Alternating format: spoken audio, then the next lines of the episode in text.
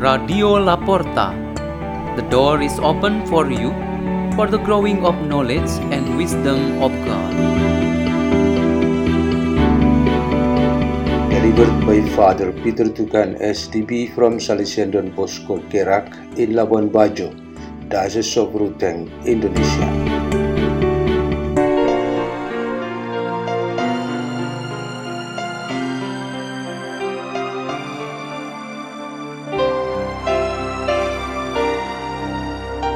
Reading and meditation on the Word of God on Saturday after Ash Wednesday, February 17, 2024.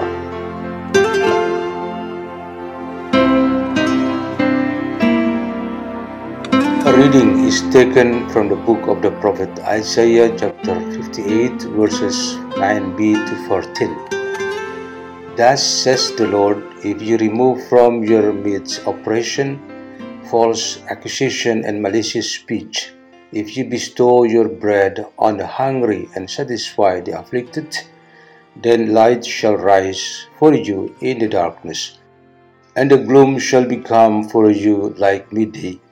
Then the Lord will guide you always and give you plenty even on the parched land. He will renew your strength, and you shall be like a watered garden, like a spring whose water never fails. The ancient ruins shall be rebuilt for your sake, and the foundations from ages past you shall raise up. Repairer for the breach, they shall call you, restorer of ruined homesteads. If you hold back your foot on the Sabbath from following your own pursuits on my holy day, if you call the Sabbath delight and the Lord's holy day honorable, if you honor it by not following your ways, seeking your own interests, or speaking with malice, then you shall delight in the Lord, and I will make you ride on the heights on the earth. I will nourish you with the heritage of Jacob your father, for the mouth of the Lord has spoken. The word of the Lord.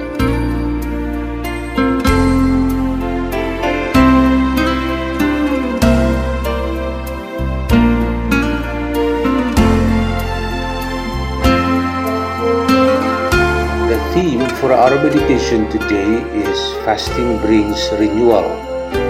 Our reflection yesterday brought our attention to the fasting in Lent that is done through the acts of charity and prayer. These are our ways to fast. Then, to broaden this reflection, we shall be guided by this important question What is actually the outcome we expect from fasting?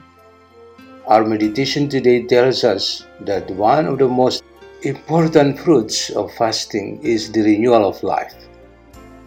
The prophet Isaiah said that a person who stops hurting and harming his or her fellow human, then changes to do good and kindness to them. A renewal of life really occurs, and he or she is pleased by the Lord. The Lord God will always guide him or her. God will grant his or her happiness and salvation in this life. This renewal indeed supports his or her growth in spiritual life, where an intimate relationship with God is well created. A believer of this type will always make this life meaningful by doing all the works of the Lord. What is just described by the prophet Isaiah is expressed more clearly in the life of people who had experienced firsthand the life and work with Jesus Christ. The story of the apostles, disciples, and many others who came in contact with Jesus, then renewed their lives, can tell us much about this. We in the church today also have the similar experience, although in different context.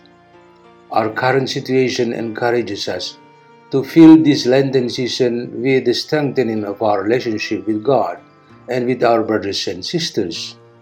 The life today's world, with all problems of humanity and society that affects our lives, will only be handled successfully by our spirit of togetherness and our faithfulness to God's intervention on our lives.